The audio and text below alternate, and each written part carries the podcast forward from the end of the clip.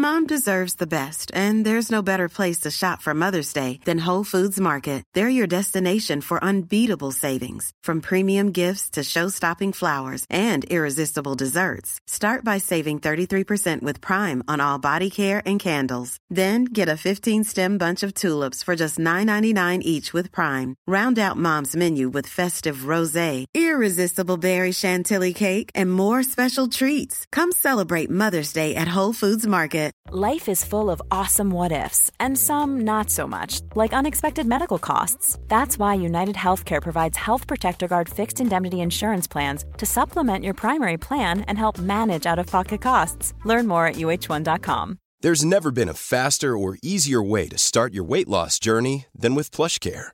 PlushCare accepts most insurance plans and gives you online access to board-certified physicians who can prescribe FDA-approved weight loss medications like Wigovi and Zepbound for those who qualify. Take charge of your health and speak with a board-certified physician about a weight loss plan that's right for you. Get started today at plushcare.com slash weight loss. That's plushcare.com slash weight loss. plushcare.com slash weight loss.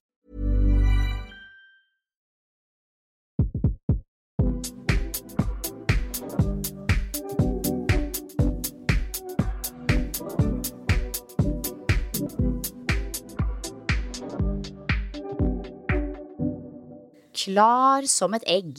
Klar som et egg fra Australia og jeg i Norge. Silje var sånn Fryser du i hjel? Når jeg ringte henne nå, og jeg skjønner jo at du spør, fordi nå er det meldt sånn 20-25 kalde i deler av Norge, så vi venter på kulda. Men foreløpig er det ikke så kaldt. Nå er det bare sånn perfekt crispy norsk vintervær, hvis du skjønner hva jeg mener? Ja, jeg skjønner veldig godt hva du mener. Det er jo, eh, det er jo, det er jo veldig digg med sånn crispy, og når det liksom begynner nå å bli litt mer sol og den biten der, men 27 minus, den er litt hard. Ja, den er litt hissig. Jeg, jeg, jeg, vi var påmeldt til sånn barneskirenn i helgen og fikk mail i går om at det er avlyst fordi det er uforsvarlig å ha ungene på, på skirenn ute, så um, ja. Det, men sånn er det. Det er sjarmen av å være i fantastiske Norge. Men det er jo, det, det er jo virkelig sjarmen med å være i Norge. Det at man faktisk har sesonger. Det er sånn, Når australienere snakker om vinter og sommer, så ler jeg høyt på innsida. Fordi det er på en måte bare en sommer. En evig lang sommer med bitte litt variasjon i temperatur. Hvis du skjønner, Vi i Norge har på ekte fire skikkelige, sterke sesonger som er helt tydelige. Og det er faktisk veldig fint, altså. Ja, er, ja fordi i Australia, hvis det er vinter, så er det sånn fem grader mindre, og det blåser litt, liksom?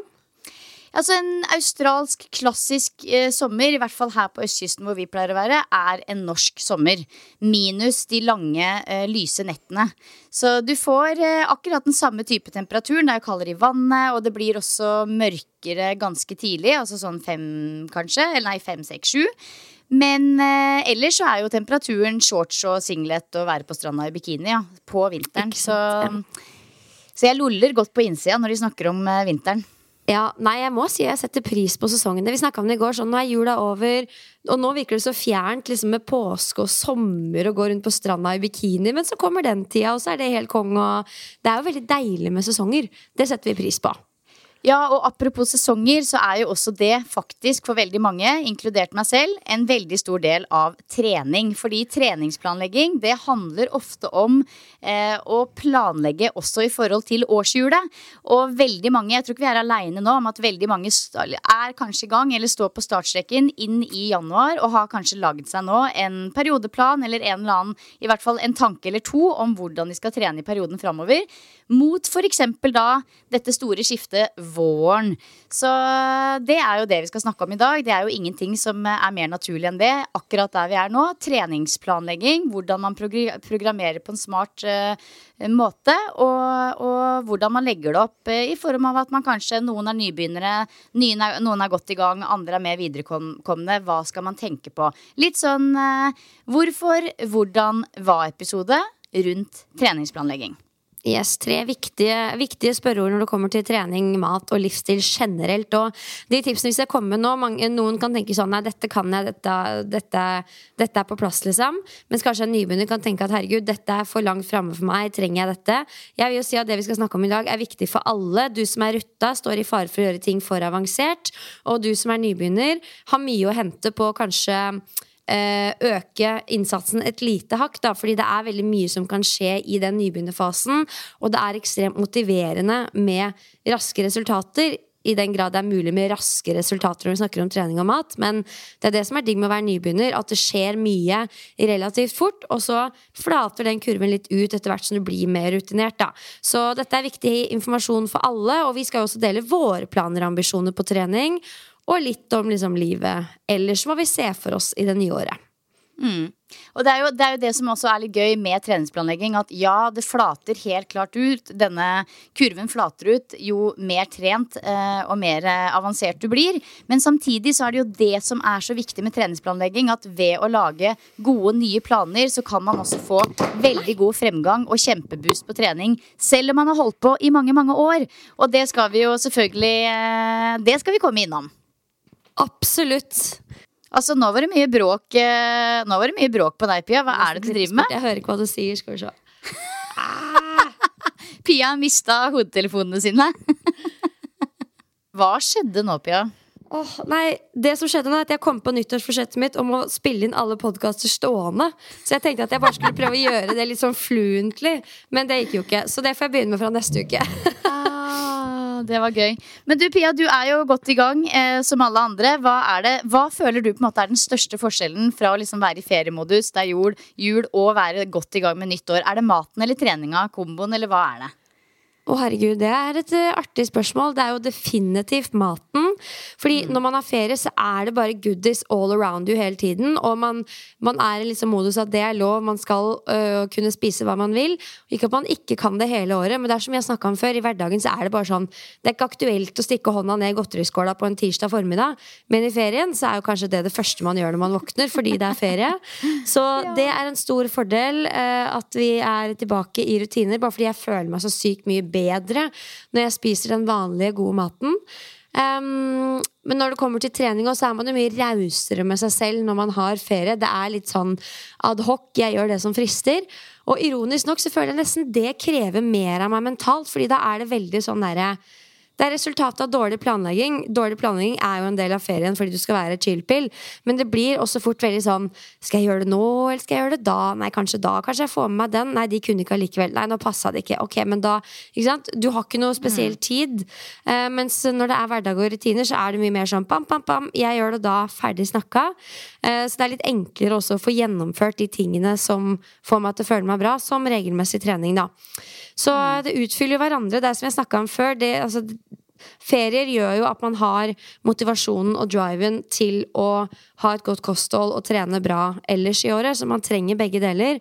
Men jeg må jo si at jeg har det best når jeg spiser bra og trener bra. Og jeg skulle gjerne gjort det i større grad også i alle ferier. Uh, er i hvert fall det jeg tenker nå, da. Men det er samtidig uke én i januar, så jeg vet ikke hvor representabelt det er. Hva tenker du? Nei, jeg er enig med deg, men det er definitivt også maten for min del som gjør at uh, følelsen er helt annerledes uh, i hverdagen enn på ferie. Fordi jeg tror jo Altså, jeg selv om trening er annerledes, så trener man jo likevel og holder kroppen i gang, eh, selv om det er ferie. Så det er maten, ja. 100% Jeg så forresten også eh, hun Hanne Lenes vegetar la ut en litt sånn morsom greie på Instagram. sånn Nei, nå har vi vært på ferie og spist så mye grønnsaker at jeg kjenner at jeg nesten er litt lei. Sa aldri noen. For det er jo ikke sant Det er ikke sånn at du noen gang liksom kjenner sånn Å, nei, jeg spiser så mye grønnsaker at nå begynner jeg å bli litt lei. Det gir på en måte bare en kontinuerlig god følelse, det å spise fargerik mat. Eh, og idet du går fra julemat til, eh, til eh, hverdagsmat, så gir det en ordentlig god boost. Men hva er det du har hatt i kjøleskapet ditt og spist mest av nå den siste uka inn i hverdagsliv? Åh, oh, Det er den faste omeletten min. Den har jeg spist mye av. Altså egg. Uh, ja, kan vi ta ett minutt stillhet for egg? Vi skal ikke gjøre det, men det er bare sånn It's a must å ha i kjøleskapet. Og så er det én ting som jeg har tatt med meg fra jula, og det er molter. Å ja, elsker molter. Det er veldig jålete, da. Men har du, du, har du har det på frokosten, liksom? Det er veldig jålete. Jeg, jeg har kjøpt en sånn svær boks som jeg unna meg. Og det, som er, det jeg har tint i, så jeg må liksom spise de sånn ganske rapidly, fordi de må ikke bli dårlige. Men ja, det kjennes ut som jeg spiser liksom 50 kroners sedler til maten min når jeg spiser de. Men eh, det har jeg da unna meg, og det er altså så godt. Jeg elsker molter. Så cottage cheese med en god dash med melk og sukrin oppå, og masse molter ved siden av, det er også en hangup som jeg har for tida. Så det er liksom omelett i frokost, en eller annen eh, ja, nå har jeg spist kalkunrester hele uka, men sånn en eller annen proteinkilde med masse grønnsaker og noe carbs til lunsj. En helt vanlig middag, og så en kveldsmat. Det er jo da gjerne noe cottage cheese med multer eller noe brødskiver, rundstykker, sånne ting. Det er det, det er det, det går i. Fire måltider per dag, godt med protein til hvert måltid. Det, det, er det som funker for meg og min rytme. Ikke sant. Så molter er altså den nye greia. Det elsker jeg. Jeg føler elsker. du er litt, eh, litt, mer over på tre måltider, jeg nå. Eh, nei, både og. Det kommer helt an på. Hvis vi spiser veldig sein middag, så blir det ofte to lunsjer. Og hvis vi spiser veldig tidlig middag, så blir det kveldsmat. Så det er stort sett fire måltider. Men, eh, men kanskje litt sånn bytter om på det litt. Idet du spiser omelett til frokost og cottage cheese til lunsj, så gjør jeg det litt omvendt. Det er mye masse bær og masse frukt og, og havregryn og nøtter og sånne type ting. Og ikke minst masse gresk yoghurt med litt honning til frokost. Eh, og så er det litt sånn random hva som blir eh, lunsjen. I dag var det veldig tilfeldig. Da var vi eh, i dag hadde alle fri, så vi var og surfa midt på dagen. Og da hadde vi bare med en sånn gigantisk boks med masse oppkutta grønnsaker og frukt. Litt nøtter, og så kjøpte vi bare en eller annen sånn tilfeldig bagett. eh, og så blei det blomkålcurry til eh, middag. Og den var ganske tidlig. Det var en sånn klokka fem-middag, og da er jeg garantert sulten igjen til klokka åtte. Så mm, hvordan er eh, matvareprisene der nede? Jeg tenker på Med frukt og grønt og sånn, det spiser jo dere en god del av. Det, blir du blakk av å gå på butikken der? Eh, du blir blakk hvis du skal gå på de kuleste, hippeste, organ, mest liksom sånn organic food supermarkeds. Men hvis du går på vanlig litt sånn større supermarked, så er det eh, omtrent som Norge, men igjen veldig varierende. Noen ting er dyrere, noen ting er mye billigere. Det kommer helt an på hva som er i sesong. Eh, så vi prøver jo også her å spise det som er i sesong. Eh, men ja, det går jo litt penger på mat. Det gjør det hjemme også. Vi, vi, vi, er jo på en måte Vi prøver å være smarte med tanke på hva vi bruker penger på, kanskje spesielt her med tanke på at vi tjener litt mindre. Men ikke på mat. Det er liksom akkurat der er, Jeg er glad i å kjøpe gode råvarer, ordentlige produkter. Eh, og det får heller gå litt penger på det, rett og slett. Men jeg må bare komme med et supertips som vi, som vi har fått en hook på. Så der du har dine molter, så har vi vår ris. For vi spiser mye ris.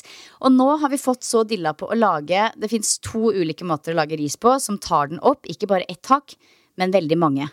Og det mm. er nummer én kokosris og koke risen i halvparten vann og halvparten kokos, eh, kokosmelk. Så isteden Du bruker bare den vanlige oppskriften som du vanligvis gjør på å koke ordentlig ris. da eh, Og så bytter du ut halvparten av vannet med kokosmelk. Da får den en litt sånn der kremete, god, søt, superdigg konsistens. Eh, så det spiste vi seinest i dag med denne blomkålcurryen. Og en annen ting man kan gjøre med risen, som også virkelig upper gamet, er å før du heller i vann og ris, så tar du og steker opp litt hvitløk i litt smør. Masse hvitløk, egentlig. Gjerne fire, fem, seks fedd. Masse, masse, masse hvitløk i litt uh, smør. Og så kommer vannet og risen. Og da også blir det ekstra, ekstra godt. Så det er et lite tips for dere som har lyst til å spice opp uh, risen litt nå i uh, januar. Altså Det var supertips. Det der med hvitløk og olje Det har jeg gjort en del gjennom Hello Fresh, og det er bare sånn eye-opener. Men det med kokosmelka, den var ny. Men det blir fortsatt middagsris. Det blir ikke sånn mer søtlig dessertopplegg. Nei, altså jeg syns ikke det. Gard syns kanskje at det blei bitte litt for grøtete, men jeg digger det. Og så er det jo en veldig fin kontrast med de litt sånn derre litt sånn kremete, litt søte til noe litt sterkere, som f.eks. en curry, da, syns jeg. Men det er nok litt smak og behag. Så mm. et lite tips der hvis man har lyst til å gjøre noe nytt. Ah, Nydelig. Men så du har kommet tilbake, eller tilbake, du er i Australia og alt er unntakstilstander, men du har funnet en slags hverdag, og du er inne i gode rutiner med både mat og trening, og you're feeling good? Ja, altså vi er i gang med hverdag ish, men fortsatt ish fordi ungene fortsatt er hjemme. De har ikke begynt på skolen enda, og de har fortsatt fri noen uker til.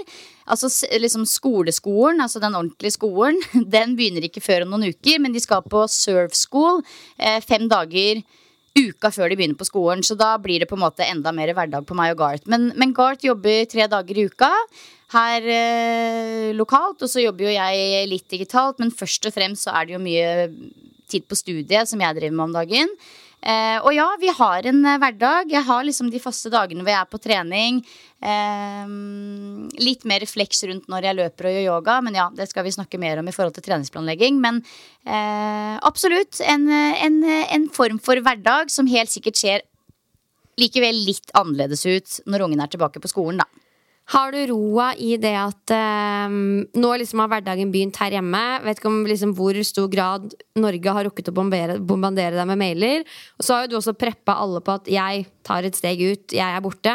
Eh, men du har fortsatt roa i det at du skal ha litt roligere dager og ha fokus på noe annet idet mølla begynner å løpe her hjemme? Ja, egentlig så har jeg det, altså. Det er veldig deilig. Det er eh, spesielt det med å kunne liksom studere uten å sitte sånn her, fordi jeg egentlig ja. må skynde meg veldig mye.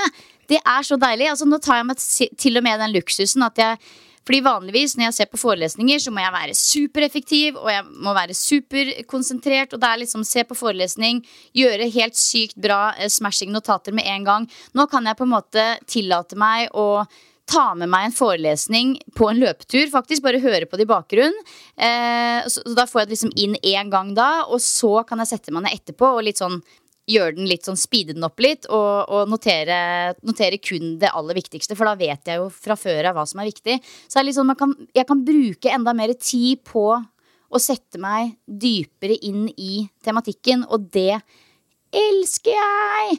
Så, så ja. Så, men ja, det er, eh, det er, en hverdag som er helt annerledes enn hjemme. Virkelig. Og litt av tanken er jo også at vi skal ha ikke sant? Jeg jobber jo mye helg hjemme, det skal jeg jo ikke gjøre her. Så vi har jo mye helg sammen. Men så er jo også tanken at liksom vi skal også kunne flekse litt i hverdagen, sånn at vi kan kunne dra og, dra og, surfe et par timer før skolen begynner. Vi skal kunne ta med oss middagen på stranda på ettermiddagen. Tilbringe mer tid sammen som familie. Så vi har liksom sagt til barna også at de kan velge seg én fritidsaktivitet. Og det er fotball, som de kaller soccer i Australia. Og så får de ikke lov å være med på noe mer. For vi skal prøve å ha så mye tid som mulig sammen. Mm. Så um, det er litt av tanken. Hvordan har det gått med ok, siste spørsmål, hvordan har det gått med surfen? Jeg kjenner meg så igjen i ditt forhold til surf, føler jeg. Fordi jeg har vært på en del surfeturer når jeg studerte og sånn, og det var sånn Elsker konseptet, elsker viben, syns jo det er fint. Men jeg har også en sånn skrekk inni meg, fordi det er litt skummelt, og det er hassle, og det er litt sånn Jeg kan heller gjøre en del andre ting, og jeg er ikke så flink til det uansett. Kommer jeg noen ganger til å naile det? Altså, det er så mye sånn Jeg har et ekstremt ambivalent forhold til surfen, men de gangene jeg har hatt gode opplevelser, så er det bare sånn dette dette er helt konge. Eh, mm. Så hvor, hvor, er du der nå? Nei, nå er jeg eh, faktisk på et sted som er eh, Dette er helt konge, fordi jeg senker krava helt ned. Det er liksom helt minimalt hva jeg og noen rundt meg forventer om dagen. Og det er først og fremst fordi jeg har vært veldig flink til å gi beskjed til de rundt meg om at ingen skal mase, og ingen skal styre, og ingen skal hjelpe og dytte slutte å holde på. Eh, fordi det har jeg funnet ut at det må være min måte å få selvtillit i denne idretten, som er helt sinnssykt vanskelig å naile. Og jeg er litt redd. Så jeg har jo surfa nå sier jeg en del med sånn gåsetegn før jeg fikk barn, og så har jeg lagt det helt på is i mange år.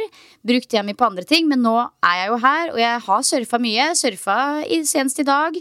Og, og, jeg har bare gitt veldig klar beskjed til omgivelsene om at liksom, jeg vil ikke at noen skal hjelpe meg. Jeg vil klare det selv. Og jeg driter i om jeg står eh, innafor bølgene og bare koser meg på skummet.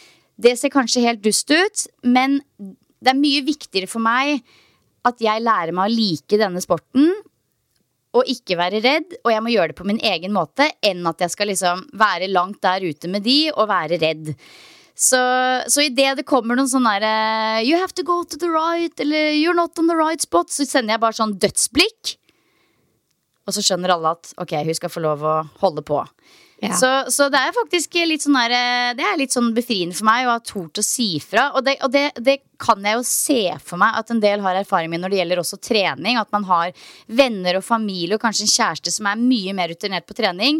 Og som har masse velmenende tips, men noen ganger så må man bare finne ut av det sjøl.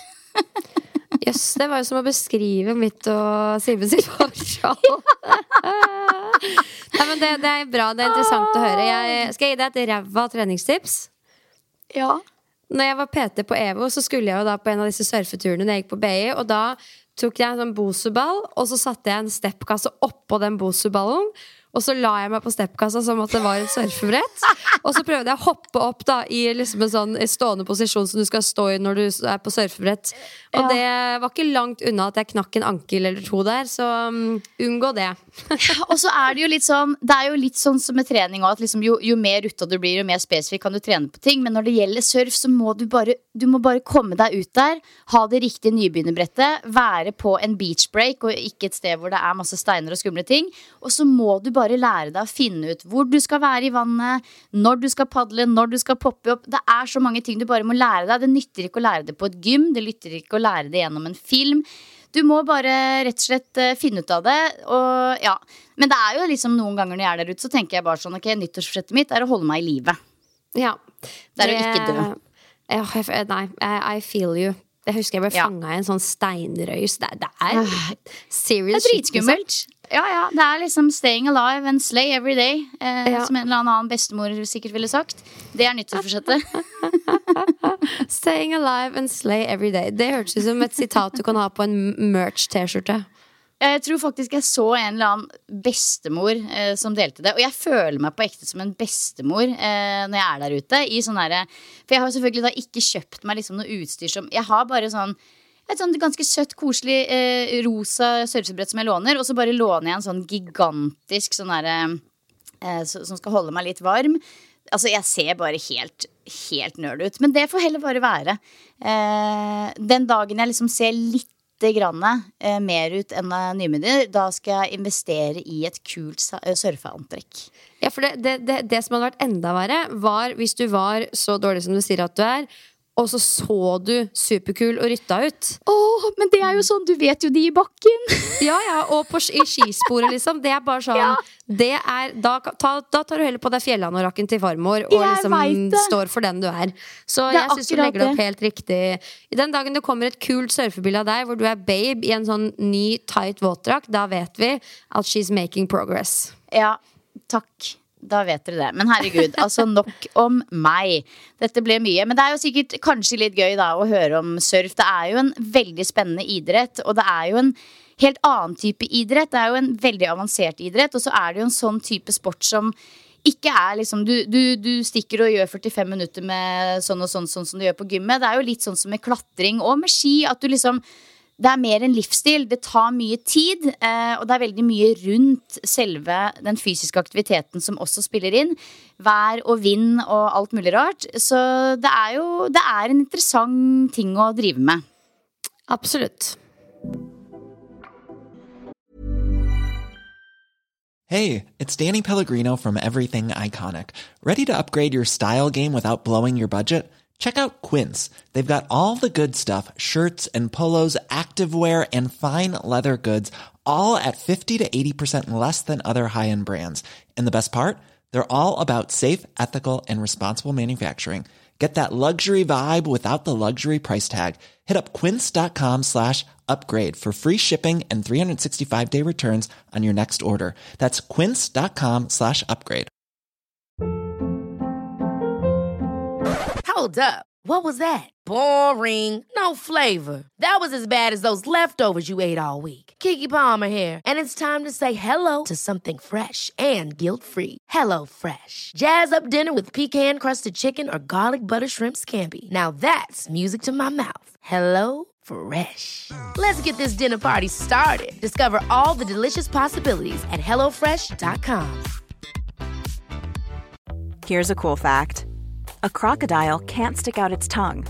Another cool fact you can get short term health insurance for a month or just under a year in some states. United Healthcare short term insurance plans are designed for people who are between jobs, coming off their parents' plan, or turning a side hustle into a full time gig. Underwritten by Golden Rule Insurance Company, they offer flexible, budget friendly coverage with access to a nationwide network of doctors and hospitals. Get more cool facts about United Healthcare short term plans at uh1.com.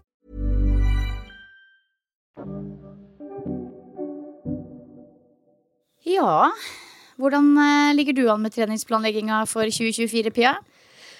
Du, jeg føler jo alltid at jeg ligger veldig godt an, fordi jeg programmerer jo til alle medlemmene mine Sterkere. Så jeg har planen klar, jeg, både for januar og nesten februar. Eh, men det er klart det er jo noen ting ved siden av det også som vi skal snakke litt om eh, her i dag. Men selve styrkeprogrammet mitt på senter, det er eh, done and dusted, ready to be performed. Hva med deg? Ja.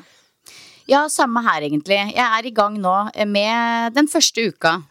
Med, nå, er jo, nå er det 4. januar, og nå kjørte jeg program to av tre den første uka med nytt program.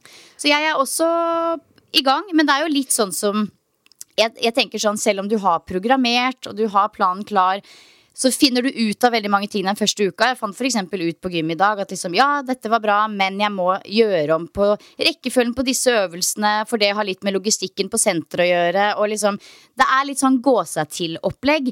Og jeg vil si at de to øh, første, i, hvert, i hvert fall første og andre uka med nytt treningsprogram er litt sånn gå seg til og liksom komme hjem, endre litt, øh, forbedre litt. fordi at det kan se veldig bra ut på papiret, og så kommer man på gymmet, og så blei det litt annerledes enn man tenkte.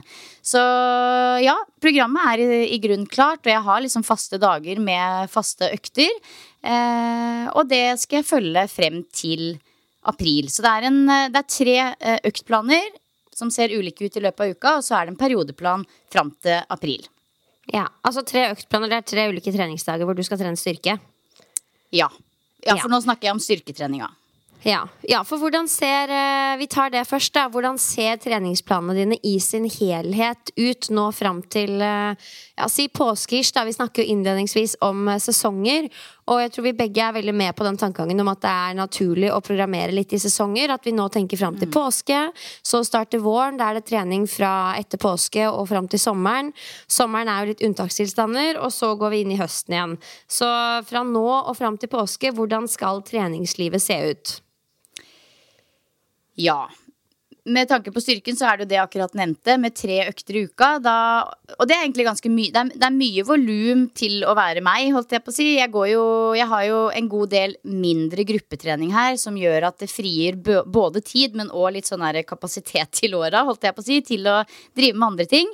Så jeg har tre økter i uka som er styrketrening. En ganske lang økt på mandager som er litt sånn øh, krevende fullkroppsøkt. Eh, med omtrent like mye fokus på bein som overkropp. Og så har jeg to litt kortere økter seinere i uka, torsdag og fredag, som er eh, litt, ja, rett og slett litt kortere økter, der hvor tanken er at jeg skal være i mål i løpet av under en time. Så, så det er Hvor mange eh, øvelser snakker vi om på den mandagsøkta da, liksom? Hvor lang tid bruker du? Nå skal vi se her, da. Jeg, jeg blir så nysgjerrig, fordi folk har så sykt sånn ulik oppfatning. Noen er på gym i to og en halv time og er sånn 'Det var dagens styrkeøkt'. Nei, jeg har åtte øvelser på mandag. Og det er jo ikke så mye, men for meg så er det en lang jo, og krevende økt. liksom Men det er klart det tar tid. Og det er sånn typ tre sett på hver øvelse? Ja, for det er den tunge dagen. Det er jo litt det som er greia. At her, dette er den tunge dagen med, med, øvelser som krever mye. For det er faktisk ganske annerledes. Det tar ganske mye lengre tid å trene tunge knebøy enn å trene skulderpress, f.eks. Så både med tanke på oppvarming og lesse av og på kiloer osv. Så, videre, så Så selv om det bare er åtte øvelser, så er mandag på en måte den litt sånn uh, den, den, lange dagen med, med, styrketrening. Og i dag var det litt uh, lettere. Der var det skal vi se, én, to, tre, fire, fem, seks øvelser. Ja, altså jeg synes åtte Jeg har en maks på seks øvelser. Da, da, går jeg gjerne litt over timen og kjenner at uh, nå er det på tide å komme seg hjem. Så jeg skjønner at det tar tid på mandagen, ja. Ja, mandagen tar tid. Så, så sånn, ser, sånn, ser, uka ut med styr, på styrketrening. To av disse øktene er liksom uh, meninga skal gjøres på gymmet. Altså jeg er helt avhengig av å gå på gymmet for å gjennomføre. Men så har jeg én siste økt på fredag som også er relativt kort. Uh, der har jeg skal vi se, én, to, tre, fire, fire, fem øvelser der. Og den uh, kan jeg også gjennomføre hjemme. Hvis jeg heller vil det. Så hvis jeg f.eks. kjenner at i dag orker jeg ikke på gymmet, ikke noe problem å kjøre hjemme. Så det er, eh, det er, liksom uka mi med tanke på styrketrening. Og så kommer jeg til å endre eh, fokusområdet litt fra april. Da blir det mer fokus på løpe og mindre på styrke, fordi da er det rett og slett litt sånn enklere temperaturer å løpe lenge i. Eh, det går helt fint å ta seg en løpeøkt klokka seks-sju på morgenen her nå, men det blir fort litt for varmt. Så derfor så kommer jeg til å sikkert trappe en god del ned på styrketreninga fra april, og så heller eh, legge trøkket på, på løpetrening. Og da er målet faktisk å kanskje sette i gang med et løpetreningsprogram for aller første gang i life. Så det kan vi jo snakke mer om da. Men, men eh, nå per nå, de, neste januar, februar, eh, mars, de siste, neste tre månedene, så kommer det til å være litt sånn der eh, løpetrening på gefühlen og litt eh, yoga på gefühlen. Så litt sånn derre små, eh, kjappe, enkle, når det føles bra, løpeturer. Ok, Så det, det viktigste som du liksom eh, skal prestere på nå, det er styrketreninga di. Du skal ha progresjon i de ulike løftene. Eh, ja. Løping er litt sånn adhoc. Det er bare for å kose deg, ikke noen sånn spesifikke mål. Og det er det Nei. samme med yoga. Du har ikke noe mål om at du skal gå så, på så og så mange leda timer. Ingenting. Jo, kom, det, det, blir liksom automatisk egentlig til at jeg går mye på yoga her. Fordi eh, nå har jeg mulighet, og det er veldig kort vei til yogastudio. Og ja, så det, det, kommer nok til å skje. Det, men det er jo det som er. Det er litt sånn derre Styrketreninga må jeg ha en plan på, fordi hvis ikke det står der at jeg skal gjøre det, så vil jeg helst la være. Yogaen er litt sånn Når kan jeg gå på yoga neste gang? Jeg føler at hver dag så tenker jeg det sånn kunne jeg kanskje fått til litt yoga i dag? Hvis du skjønner, det er liksom ikke noe Jeg trenger ikke å ha noe mål på det, for det, det går litt av seg selv. Og da er det nok mange som kan kunne komme til å tenke at eh, ja, men hvorfor gjør du ikke bare yoga da? Hvorfor mm. er det viktig for deg å tvinge gjennom den styrketreninga? For jeg tror mange kan ha et sånt forhold til styrketrening, og så er jo min erfaring at det går over litt etter hvert, fordi man blir veldig glad i den følelsen. Men uh, det er jo en stor terskel for mange å sette det i system og trene styrke jevnlig. Ja, altså det, det, er jo det. Jeg har jo lært meg å like det mer og mer. Eh, jeg kunne aldri tenkt meg et liv helt uten styrketrening, men ehm, Ja, det er jo noe med at jeg kjenner at jeg har en kropp som jeg har lyst at skal fungere så godt som mulig så lenge som mulig. Vi vet at kvinner eh, har stor tendens til å få beinskjørhet og Eh, det er, det er, viktig for oss, rett og slett, jo eldre vi blir, å fokusere enda mer på styrketrening og muskelvekst og den type ting. Så, så det er liksom egentlig Det er litt sånn derre Det må jeg bare gjøre. Mm.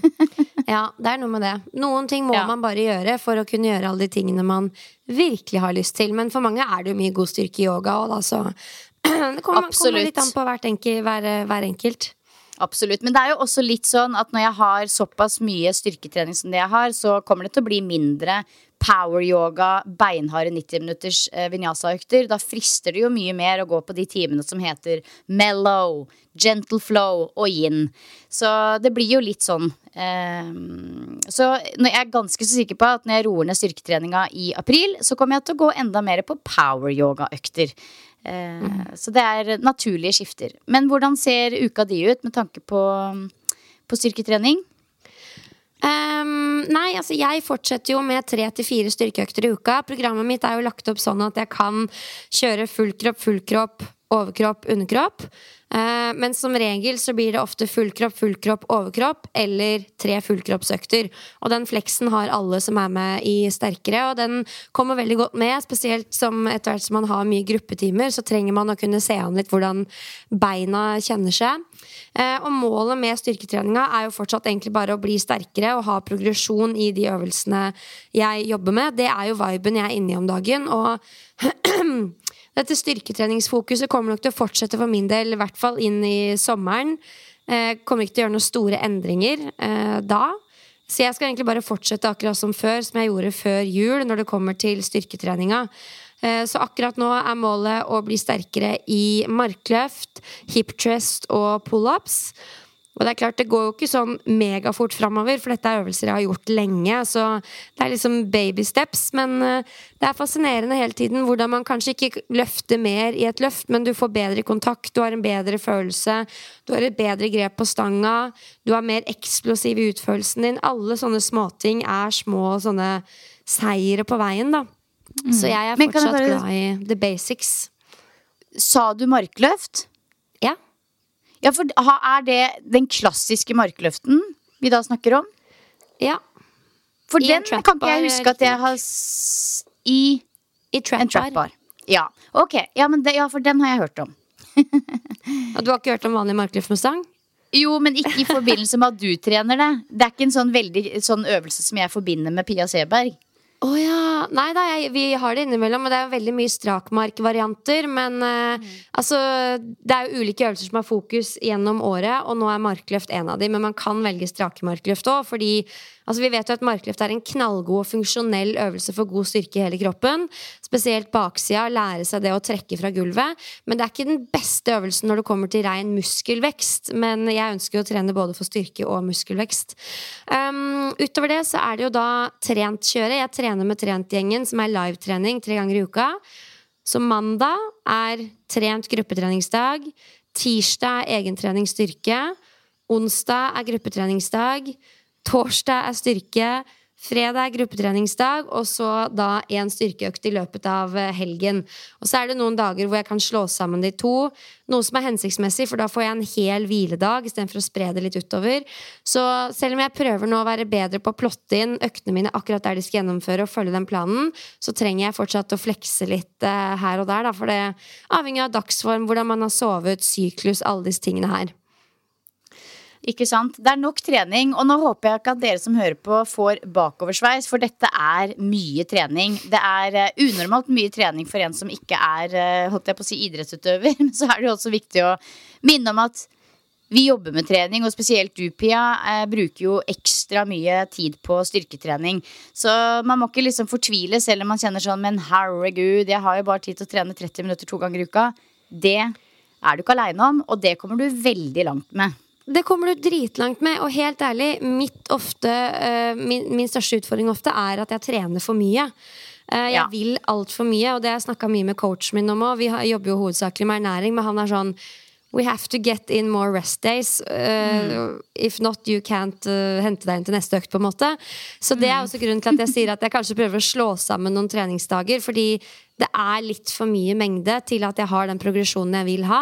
Så ikke fortvil om du kan trene mindre. Når det kommer til styrke og muskelvekst, så er det i veldig mange tilfeller bra. Og hvis du klarer å få inn to til fire styrkeøkter, avhengig av nivået ditt, i tillegg til en god mengde med hverdagsaktivitet og et smart kosthold, så kommer du veldig, veldig, veldig langt, da. Ja, jeg tror det er veldig viktig å presisere akkurat det. Fordi eh, du jobber som instruktør, og det å, å, å være eh, gruppetreningsinstruktør på tre ulike timer i uka, det er en del av jobben din. Men det er viktig å understreke at det kan godt hende du hadde fått mer fremgang på de resterende styrkeøktene hvis du ikke hadde hatt de gruppetrenetimene Og det samme gjelder jo meg. Men eh, det er ikke noe sånn buhu, stakkars oss for det òg. Ikke i det hele tatt. Men for dere som har mulighet til å trene to til tre ganger i uka, sykt bra. Det kan godt hende at dere får bedre resultater enn oss. Så det er bare ja. viktig å understreke, for det høres ut som vi trener helt eh, ville mengder. Mm. Ja, helt sikkert nei, for mange. Ja, nei, og det er jo også hva er en treningsøkt, uh, ja. på en måte. Det, ja. Så man, man, skal aldri sammenligne seg med folk, men vi er nå her, og vi bjuder på. Vi har en podkast, og vi skravler om oss sjøl. That's how we ja. roll. Det ville jo Altså, det, det, det, er jo akkurat det. At man kunne jo kanskje satt seg ned og bare fortalt om en sånn derre Sånn her burde treningsuka sett ut, men det er jo ikke sant. ikke sant? Sånn at vi, vi er ekte. Vi bjuder på. Noen ganger blir det litt for mye, noen ganger blir det litt for lite trening. Ja, jeg, eh, jeg, har jo også lyst til å være mer ute, og, og en del av meg tenkte ok, jeg skal ha én utendørsøkt hver uke, men det er ikke forenlig nødvendigvis med at jeg satser så hardt på styrke. Så jeg har i hvert fall et mål om at jeg skal få meg dagslys, eller være ute hver dag, og da gjerne i dagslyset. Og for min del så blir jo da det litt sånn, kall det kondisjonsøkter, da, men det kan være at jeg bare går en tur på vei til barnehagen for å få inn 10 000 steg. Så når det kommer til meg og kondisjonstrening, så er det absolutt noe jeg har som en del av hverdagen min.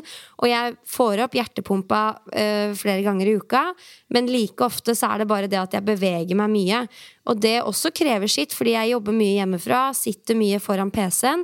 Jeg må liksom opp og gå en ekstra tur for å få inn bevegelse ja, i løpet av dagen. Men det er viktig både for hjertehelsa, men også for restitusjon mellom øktene. Men det er da like viktig å ikke pushe så veldig hardt på kondisjonstrening også. Jeg har i hvert fall mm. erfart det at um, man må liksom velge sine fokusområder, da. Mm. Men hvis vi nå, ikke sant, nå er det sikkert mange som er litt sånn Men hvordan kommer man i gang med denne treningsplanlegginga? Mange er i gang på gymmet, og man bare møter opp. Kanskje ikke alltid med en plan. Og litt av tanken med denne episoden er jo at vi skal gi noen gode eh, rett og slett invitere deg til å kunne sette deg ned og lage en skikkelig smart og solid eh, treningsplan for, for perioden framover. Eh, og først og fremst da så må vi jo snakke litt om hvorfor det er lurt. Hva tenker du da, Pia? Eh, det er jo lurt fordi du da som sagt har en plan, så du vet akkurat hva du skal gjøre. Det er så mye tanker og følelser og vurderinger hit og dit, og livet ellers kommer så fort i veien for oss. Så det å vite da hva du skal gjøre, ha en tydelig plan, er ekstremt viktig fordi det påvirker motivasjonen din, men også gjennomføringsevnen når det kommer til å faktisk bare møte opp og trykke play. Man bruker så sinnssykt mye mental kapasitet på å vurdere fram og tilbake og opp og ned. Sånn som jeg nevnte i jula, da. Når du har altfor mye frihet, så blir liksom det et problem i seg selv, så bruk heller én til to timer på å etablere ok, hva skal denne sesongen bestå av. Og så slipper du å liksom tenke noe mer på det resten av sesongen. Mm. Ja, helt enig. Det er, eh, det er, noe med bare å ha det litt skrevet i stein. Da blir det stort sett gjennomført, uh, istedenfor å bare labbe rundt og klø seg i huet, på en måte. Uh, samtidig så er det jo selvfølgelig smart å være fleksibel, spesielt nå i uh, en periode hvor det er litt fullt på gymmet. Om du ikke får utført akkurat den øvelsen i akkurat det apparatet, så gjør heller noe annet, og det er også helt supert. men ja, hvorfor man skal ha en treningsplan, der har du det en god, eh, en god, oversikt. Du har en mye bedre oversikt over hva du faktisk skal, eh, hvis du har en plan. Eh, når det gjelder hva man skal gjøre, så er jo det det store spørsmålet. For det er jo helt opp til hver enkelt. Vi har to helt ulike eh, ukeplaner, deg og meg, Pia. Ulike fokusøvelser, ulike fokusområder. Ehm, så det kommer helt an på hva man vil, og hvor man ønsker seg, og hva som er målet, selvfølgelig. Men noen spørsmål som man kan stille seg selv, er jo f.eks. nummer én hvor mye tid kan jeg investere på trening? Jeg tror det er liksom der man må begynne, fordi det kommer til å ha veldig mye å si i forhold til hvordan planen bør se ut. Jo mer tid du har på trening, jo mer spesifikt kan du trene. Jo mindre tid du har på trening, jo mer eh, fullkroppsøkter f.eks.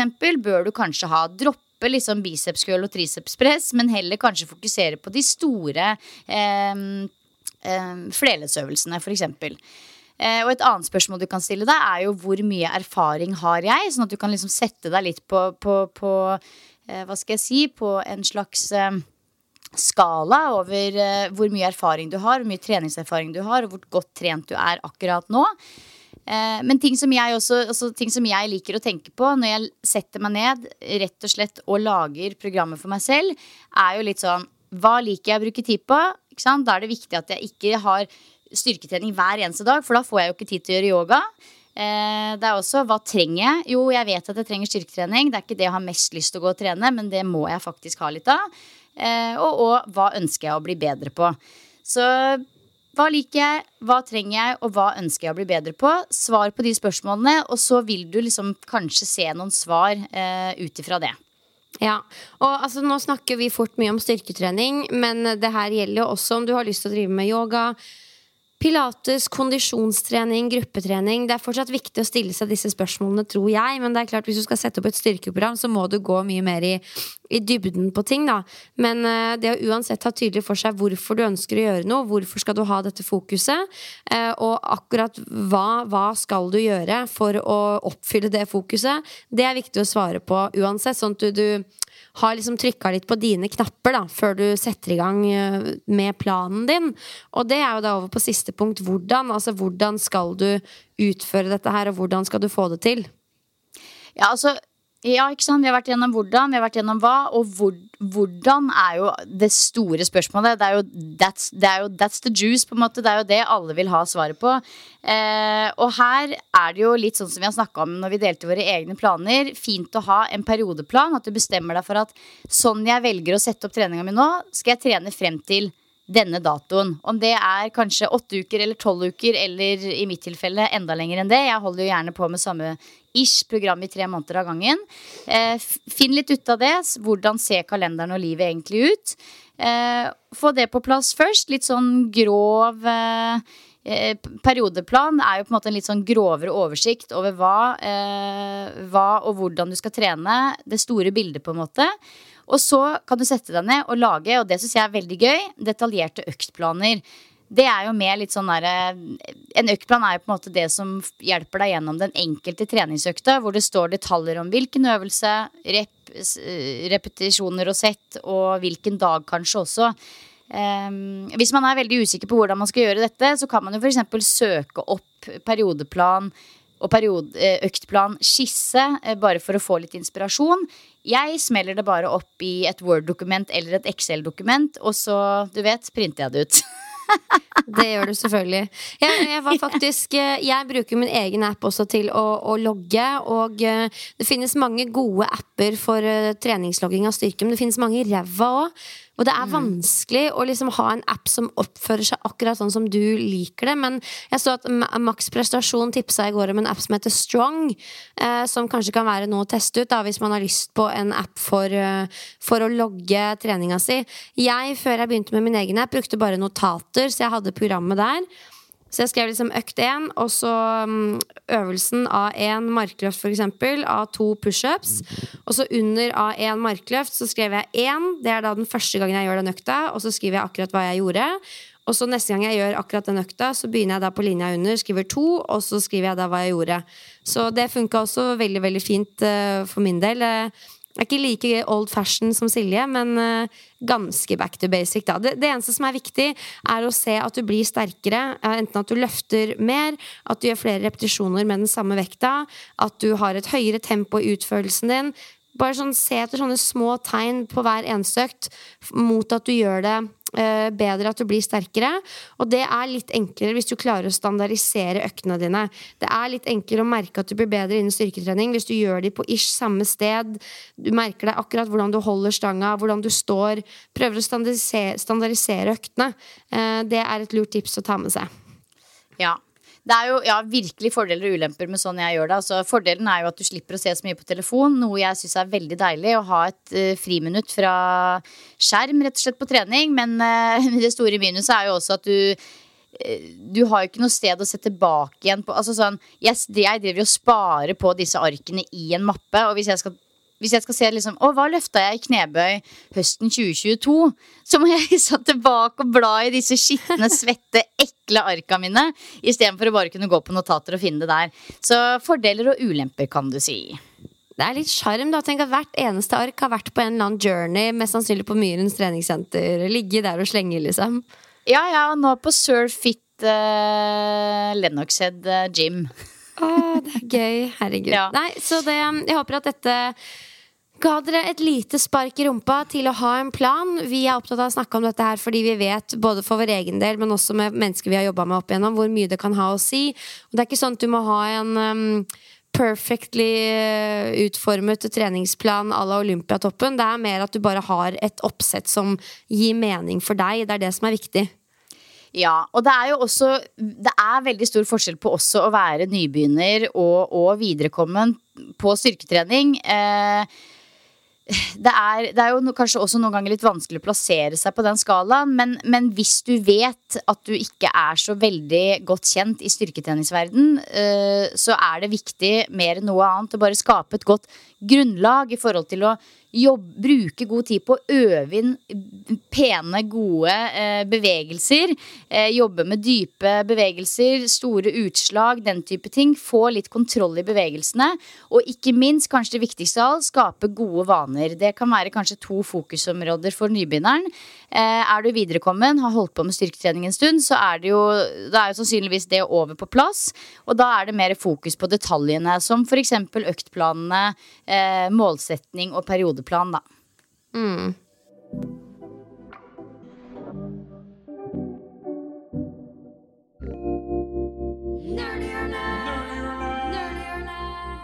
Like the nerds we are.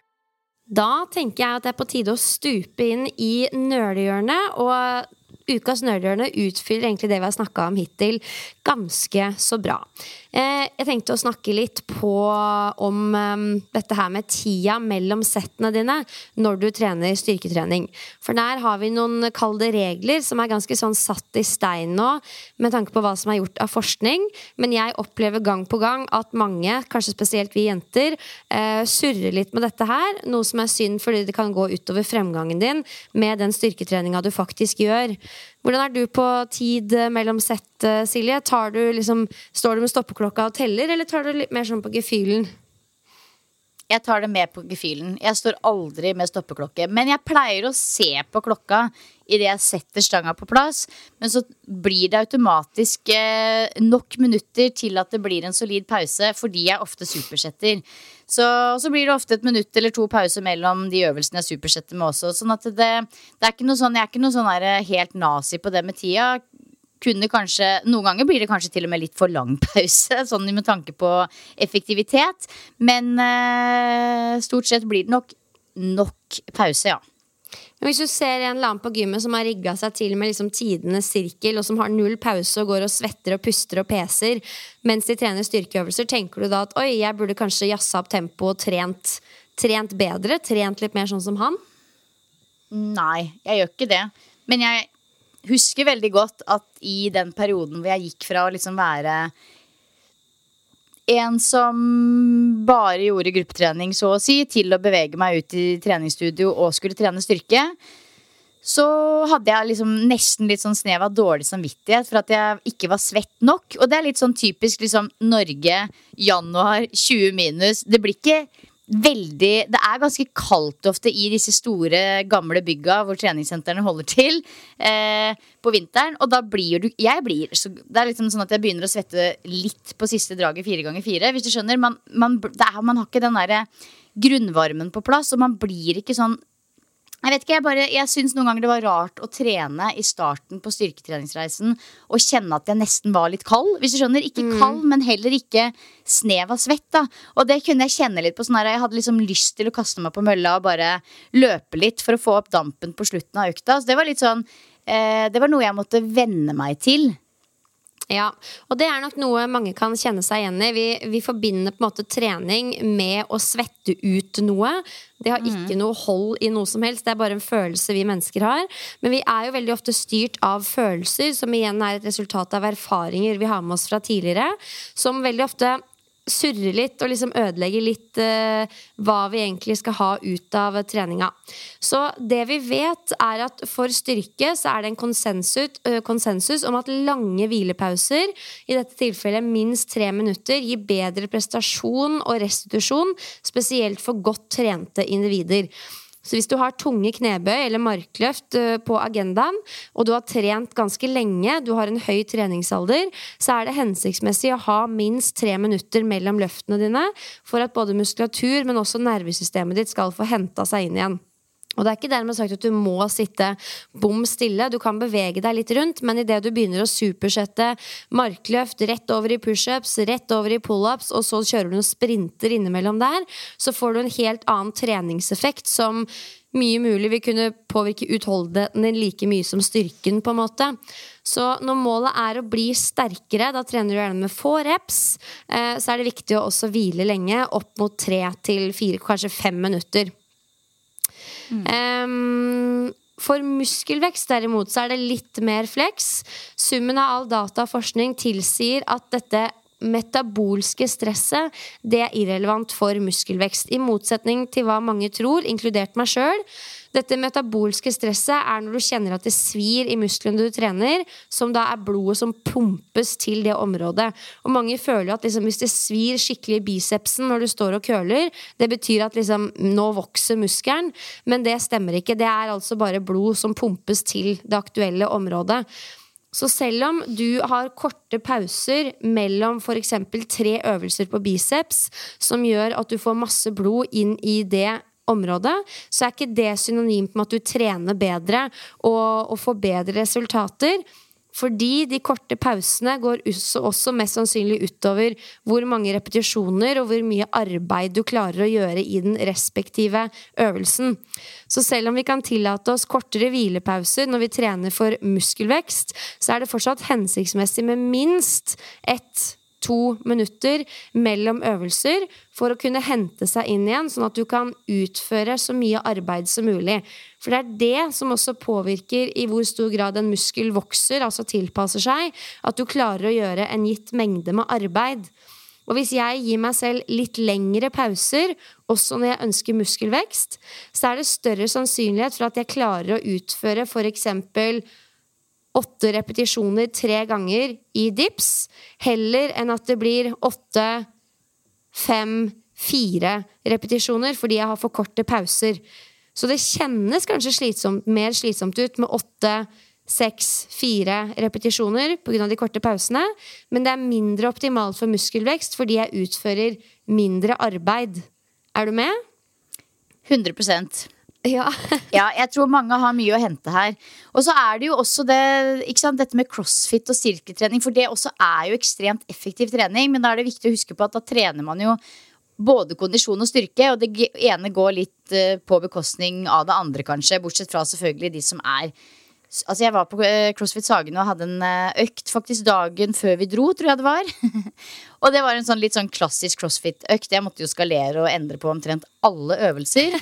Men det, det var, den varte i akkurat 33 minutter, og det var sånn Vi starta med 30 av det, og så var det 20 av det, og så var det 10 av det, og så masse forskjellige øvelser. Det var veldig gøy, men det er jo også bare sånn Herregud, og høy puls du har, liksom. Det er jo sånn jeg klarte ikke å tre, eh, ta jeg, tror, jeg, tror, jeg, klarte ikke å ta knebøy med halvparten av det jeg vanligvis har på stanga engang. Hvis du skjønner, for du er jo så sykt sliten.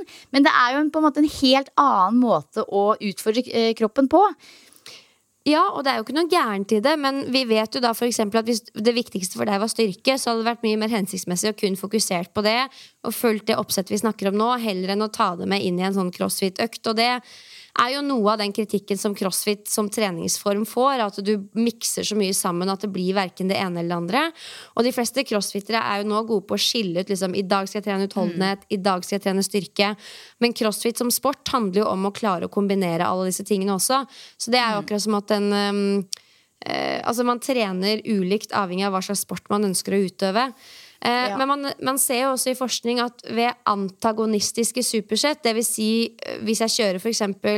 Si knebøy sammen med chins, da, det er jo to muskelgrupper og øvelser som ikke påvirker hverandre nevneverdig i det aktuelle området. At jeg blir sliten i beina, påvirker jo ikke muskulaturen i overkroppen. Da kan man komme unna med litt kortere hvilepauser, sånn som du sier, Silje. Men nervesystemet blir fortsatt påvirka. Så når jeg har gjort tunge knebøy, så reduserer det på en måte min evne til å løfte og pushe meg tungt. Så man skal fortsatt ha en god pause. Det er ikke sånn at det er optimalt å gå rett fra det ene til det andre, da. Mm. Um, men det som også er litt fint, er jo å vite at man trenger ikke å stå der med stoppeklokka. For intuisjonen vår, sånn som du beskriver at du, det er det du hovedsakelig bruker, den forteller oss ganske mye. Um, så det er mulig å liksom stå med, etter en øvelse og vente og hvile til du kjenner at du er klar igjen. Og viktig, en viktig pekepinn da er at pulsen din har gått ned. Så det er kanskje der man har mye å hente når man kommer fra gruppetreningssalen og skal begynne å trene styrke. Mange må nok da vente litt lenger enn det de kanskje tror. Og da syns jeg det kan være nyttig å bruke stoppeklokke med f.eks. kunder, for da, da, er det ikke noe sånn tenke og føle, da er det tre minutter som gjelder. For man står jo også i fare for å bruke for lang tid. I en treminutters pause mellom øvelser så er det fort gjort å sjekke innom telefonen, scrolle litt, svare på en mail. Og det har man også sett i forskning at faktisk påvirker prestasjonen negativt, eller kan gjøre. Det å la seg distrahere av sosiale medier og lignende, da. Absolutt, og ikke bare det. Det er også forska på dette med å se på telefonen mellom setup og styrketrening, og hvordan det også påvirker dopaminutskillelse. Altså Vanligvis så får du jo liksom Du får et lite hit sånn Yes! I did it, liksom. Tikka av den boksen. Ferdig med det settet. Mens det går du faktisk glipp av når du dykker ned i eh, hva alle andre driver med på telefonen, istedenfor å stå der og faktisk kjenne på den lykkefølelsen. Så ja, det er jo det er jo fristende, så klart, men da burde man kanskje heller sette seg ned og tøye litt, gjøre noe mobilitetstrening, eh, løse opp litt i håndleddene, rulle litt på skuldrene, eh, kroppen, men ikke trene, da, i det du har en pause. Ja, Altså Man har sett at aktiv hvile, så lenge den ikke påvirker eh, den aktuelle muskelgruppa for mye, det kan være hensiktsmessig. Så hvis du trener knebøy, spaser rundt i rommet, eh, sving litt på beina. Hvis du trener overkropp, sving litt på armene. Altså Beveg deg gjerne lett, men ikke noen krevende øvelser som går utover den samme muskelgruppa. Eh, og hvis du ikke har noe anelse om liksom hva du skal gjøre med tanke på pauser, så er en fin tommelregel at uh, du har tre minutters pause mellom ulike baseøvelser. I mitt program så er det gjerne da Det er alltid baseøvelser, flerleddsøvelser først. Relativt få reps og um, lengre pauser. Og så går vi ned på pausene idet vi går over på mer isolasjonsøvelser som går over ett ledd. Da kan du tillate deg litt kortere pauser. Men jeg tror det er veldig viktig å understreke at når vi trener styrke og for muskelvekst, så ønsker vi å legge best mulig til rette for at muskelen skal kunne prestere både på sett 1, 2 og 3. Og en viktig del av det er å ha gode pauser. Det er ikke en test på utholdenheten din, det er en test på um, hvor mye du klarer å løfte. Og her kommer også treningsloggen inn. Det er viktig å se at du faktisk blir bedre over tid. Um, og da spiller jo pausene inn på økta, men da selvfølgelig også restitusjon og programmet ditt i sin helhet. da. Men uh, mange trenger å ta med seg dette her, at du trenger gode pauser når du er på gymmet. Og så må du selvfølgelig pushe deg hardt. Når jeg snakker med de som er sånn Jeg har gjort seks uh, knebøy, men jeg føler ikke at jeg trenger noe pause etter det. Da er jeg sånn, ok, men da kan du mest sannsynlig trene litt tyngre. Um, men selvfølgelig knebøy er en sammensatt øvelse som kan være vanskelig å presse seg i. Men det skal være såpass tungt at du kjenner at nå må jeg sette meg ned litt og, og hente meg inn igjen. da ja, Det er veldig sjelden jeg må sette meg ned. Det må jeg si, det skjer aldri. Men uh, at jeg trenger pause, det gjør jeg helt klart. Yes, de fleste gjør det. Så det er ikke noe gærent med sirkeløkter og lignende. Det anbefales faktisk som et veldig sånn tidseffektivt og godt verktøy. Men når vi snakker om sirkeltrening i et styrketreningsøyemed, så er det fortsatt med pauser. Det vil si en tung øvelse, eh, ett til tre minutters pause, neste tunge øvelse pause, neste tunge øvelse. Så det er alltid med pauser innlagt. Ja.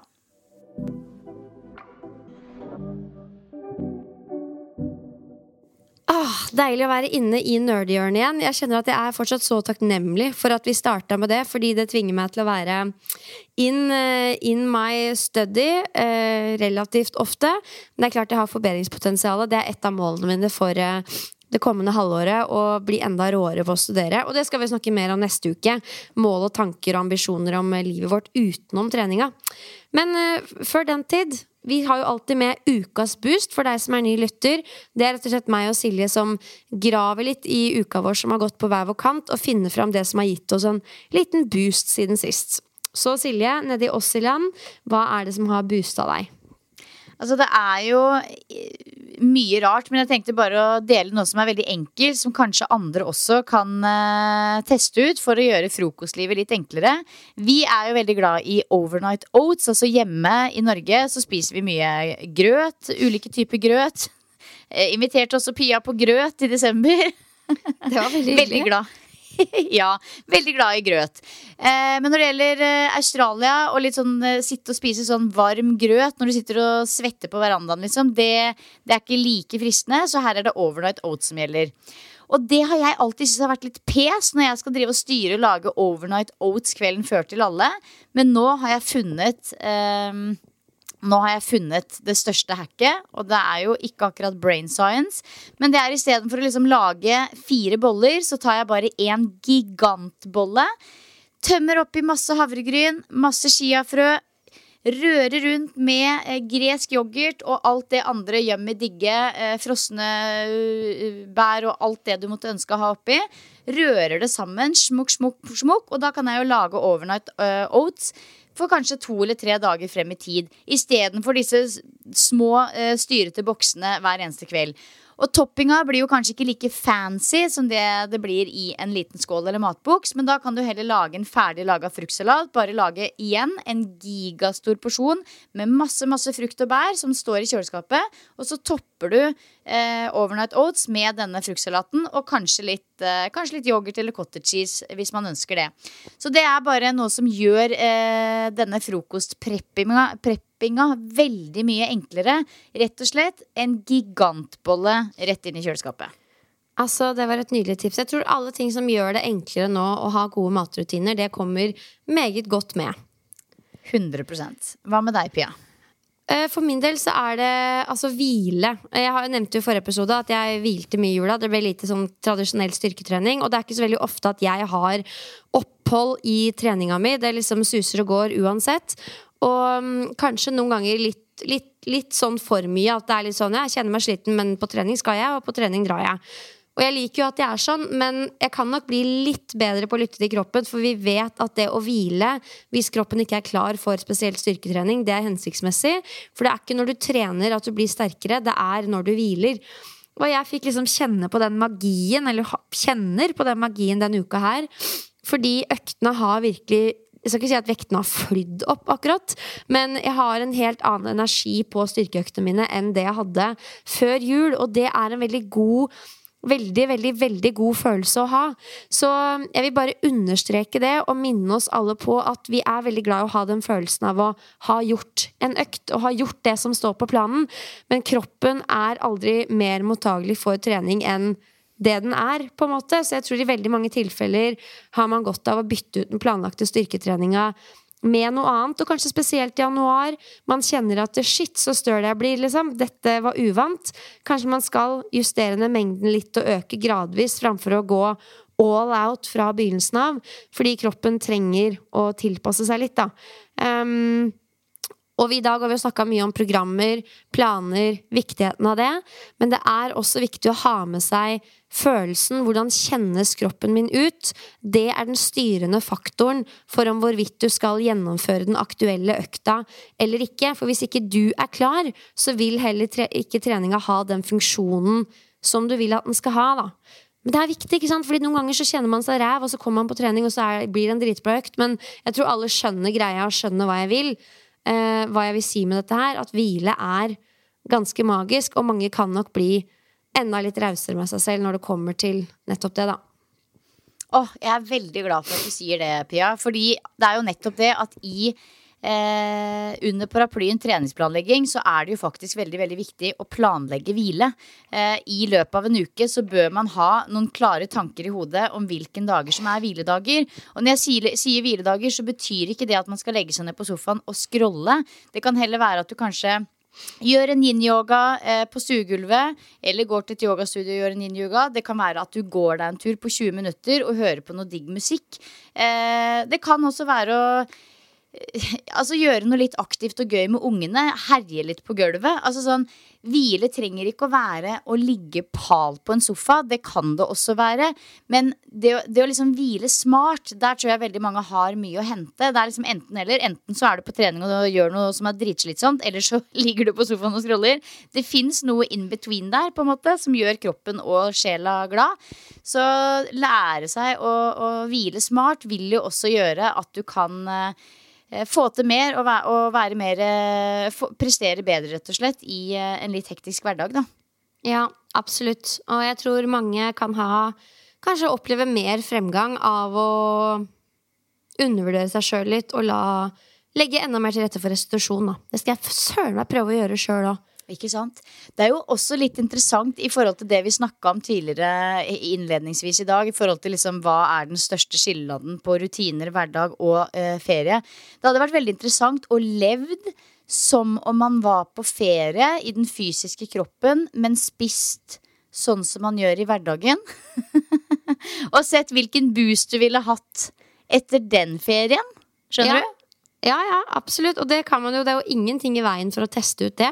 Det er rart hvor skummelt det kan kjennes ut for oss skada treningsfolk. Liksom, å ha en hel hvileuke midt i hverdagen. Det går ikke. Ja, eller to, to hvile, eller sånn hvile-ish-uker, da. Hvor du bare trener litt lett ferietrening, men spiser veldig bra eh, og smart. Mm. Det kunne vært interessant å teste. Ja. Det, kanskje jeg skal teste det når jeg kommer så langt. Men det har jeg ikke mulighet til, fordi jeg jobber med trening, og the show must go on. ja må tjene til smør på skiva si. Og med det så tror jeg vi skal runde av, jeg, Pia. Ja, nå er, det, nå er klokka snart halv elleve her. Jeg skal jobbe det en del. Og så har jeg et mål om å få meg en skitur i det herlige dagslyset som er. Uh, og du skal vel snart legge deg, typ?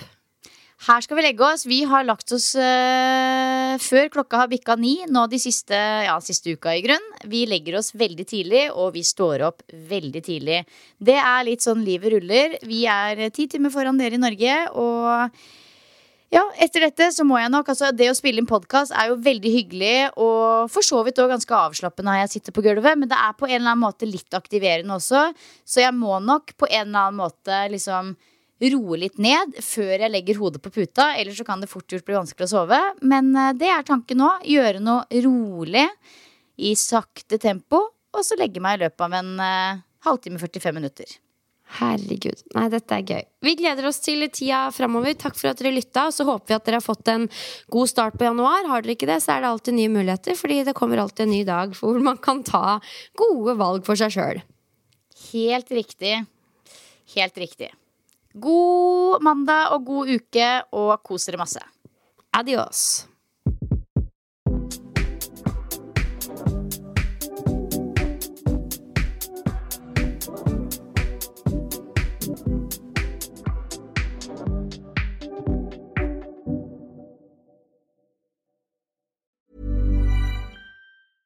Mom deserves the best, and there's no better place to shop for Mother's Day than Whole Foods Market. They're your destination for unbeatable savings, from premium gifts to show-stopping flowers and irresistible desserts. Start by saving 33% with Prime on all body care and candles. Then get a 15-stem bunch of tulips for just $9.99 each with Prime. Round out Mom's menu with festive rosé, irresistible berry chantilly cake, and more special treats. Come celebrate Mother's Day at Whole Foods Market. Planning for your next trip? Elevate your travel style with Quince. Quince has all the jet setting essentials you'll want for your next getaway, like European linen, premium luggage options, buttery soft Italian leather bags, and so much more. And it's all priced at 50 to 80% less than similar brands. Plus, Quince only works with factories that use safe and ethical manufacturing practices. Pack your bags with high-quality essentials you'll be wearing for vacations to come with Quince. Go to quince.com slash trip for free shipping and 365-day returns.